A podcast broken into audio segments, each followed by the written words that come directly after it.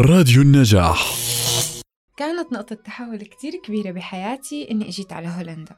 كان لازم بلش حياتي من الصفر وهالشي بيعني إنه كمان تعليمي رح بلشه من الصفر.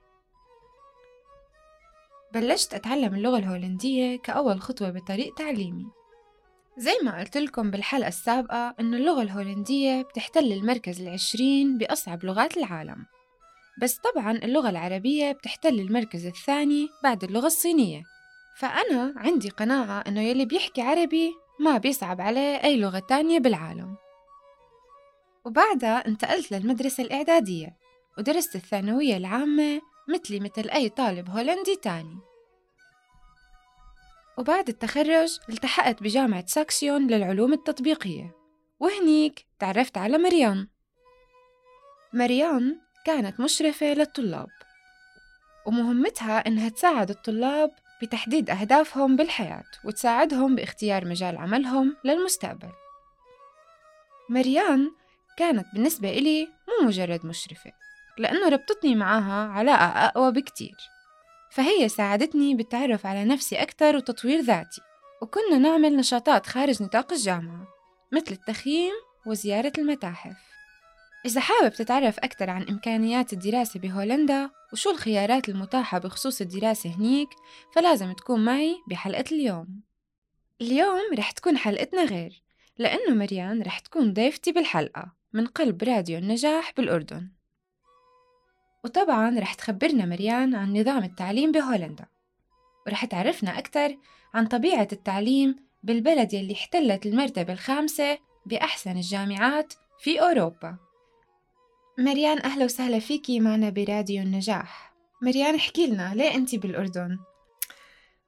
Uh, أجيت على الأردن بصفتي مشرفة إليك خلال فترة تدريبك في راديو نجاح في البداية كانت الفكرة أني أضل أول شهر هون لحتى نتأكد أنه وضعك بالأردن تمام ومو ناقصك شيء بس عمان عجبتني كتير. صار في مشكلة بالطيران لهيك ضليت فترة أطول وهالشي كان لصالحي. أو شو أكتر شي حبيتيه بعمان؟ Nou, dat het zo, het is heel groot. عمان مدينة كتير كبيرة. فيها أحياء مختلفة. أكثر شيء عجبني فيها إنها بين الجبال وموقعها رائع جدا. وخاصة لما الشمس تكون طالعة بشوفها كتير حلوة. طيب وشو ما حبيتي بعمان؟ Wat ik minder leuk aan Amman vind, يلي ما حبيته بعمان هو ضجة السيارات الازدحام وإنه بيستعملوا زمور كتير بحاجة وبدون حاجة والشيء الثاني يلي ما عم أتقبله أبدا إنه النفايات والبلاستيك موجودين بكل مكان حتى بالطبيعة وبالحدائق هالشيء بيزعج نظري als docent ook milieukunde. Ja, doet me dat zeer. أكيد أنا بتفهمك كتير. بتمنى لك إقامة ممتعة بعمان. Ik denk dat ik uh, heel erg uh, de mensen ga missen. بس حابة أضيف شيء لو سمحتي. أنا رح أشتاق للناس بعمان للطافتهم لابتسامتهم رح أشتاق للأحاديث الصغيرة يلي بعملها مع صاحب السوبر ماركت الخباز أو شوفير التاكسي. هالشي لمس قلبي كإنسانة. وأكيد التاريخ يلي بالأردن. كل هذا التاريخ بخلي الأردن جدا مميزة. شي كتير جميل إنه البلد تركت فيكي هذا الانطباع الحلو وأكيد إحنا فينا نرجع لهون بأي وقت وأكيد أنت مرحب فيكي بالأردن وبراديو النجاح. شكرا. خلينا نفوت بصلب الموضوع. مريان خبرينا أكثر عن مراحل التعليم بشكل عام بالمدارس الهولندية. In Nederland is het zo dat alle kinderen hetzelfde onderwijs hebben. بهولندا النظام كالتالي كل الأطفال من عمر الأربع سنوات لعمر ال 12 سنة بياخدوا نفس التعليم وهي المرحلة بسموها الابتدائية. بعد سن ال 12 بيكونوا المعلمين قدروا يحددوا مستوى الطالب قدرته على التعلم والفهم. وعلى هذا الأساس بيحدد الأستاذ بأي اتجاه رح يروح الطالب. كل طالب بيروح على الاتجاه يلي بيناسب مستواه التعليمي وقدراته. وهاي المرحلة منسميها المرحلة الإعدادية. المرحلة الإعدادية بهولندا فيها أكثر من اتجاه. هالشي بيفيد الطالب كتير لأنه مو مضطر يدرس شيء أعلى من مستواه وقدراته. بقلب المرحلة الإعدادية بيكون عند كل طالب مشرف بيساعده يكتشف نفسه يدعمه لحتى يطور من نفسه ويعرف شو هي المهنة المستقبلية يلي بتناسبه. أهم شيء إنه المشرف بيعلم الطالب كيف يدرس لأنه طريقة الدراسة بتختلف من طالب لآخر. لهيك نحن منشوف الطالب مو مجرد أرقام. الطلاب هن عقول وقدرات ومستويات.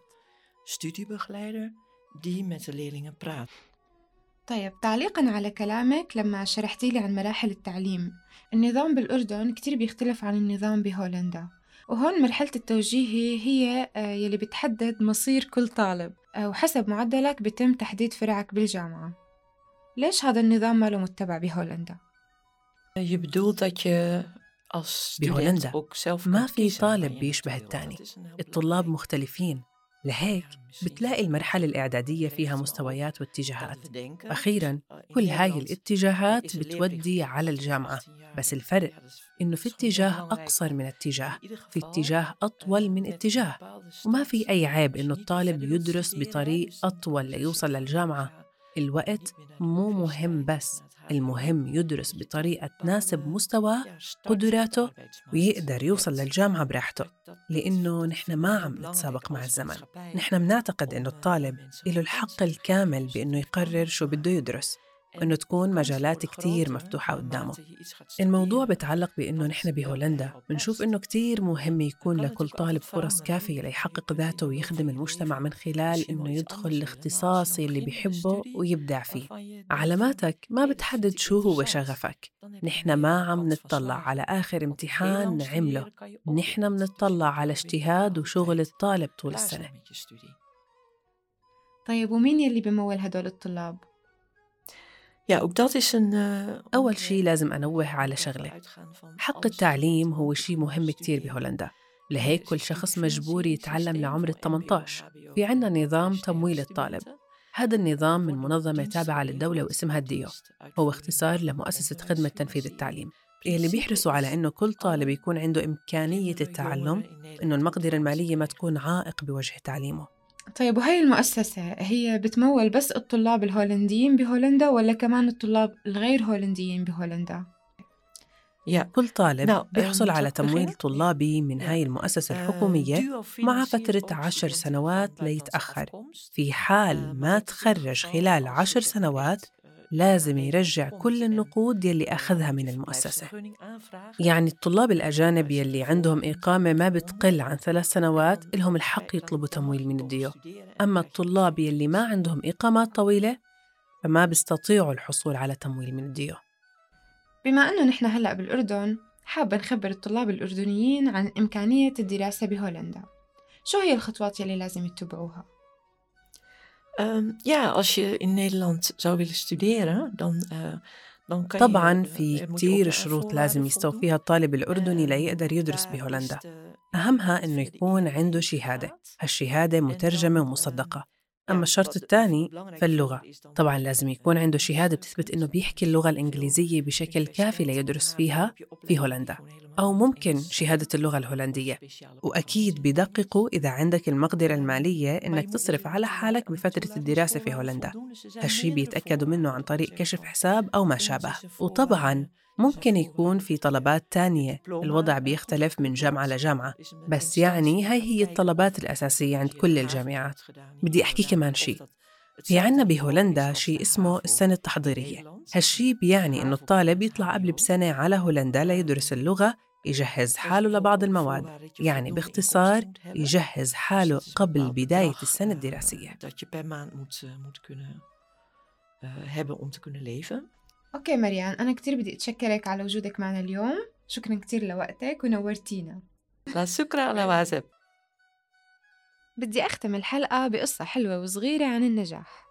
لما نجحت بالتوجيهي عملت العادة المشهورة بهولندا يلي هي إنه لما تنجح أو تتخرج من الكلية أو المدرسة بتعلق العلم الهولندي أمام بيتك مع شنطاية المدرسة يلي ضليت تروح فيها طول السنة كدلالة على أهمية إنجازك. حسيت بفخر كتير كبير. وهيك قدر كل حدا مارق من الشارع يعرف إنه هذا البيت فيه خريج ويلي هو أنا طبعا. هالعادة الهولندية بتخلينا نقدر إنه النجاح هو شي لازم نفتخر فيه ونوقف عنده. هاد كان كل شي لليوم. بشوفكن الأسبوع الجاي بحكاية جديدة عن هولندا. أنا ياسمين عبد الحفيظ وهاد بودكاست هولندا بالعربي من راديو النجاح. لا تنسوا الاستماع إلنا على SoundCloud، Spotify، Google Podcast، Apple Podcast وعلى موقعنا النجاح dot net إلى اللقاء tot ziens Tot ziens iedereen, tot ziens iedereen, fijn dat je er was. Tot ziens iedereen, tot ziens iedereen, fijn dat je er was. Ai, ai, ai, ai, ai, fijn dat je er was.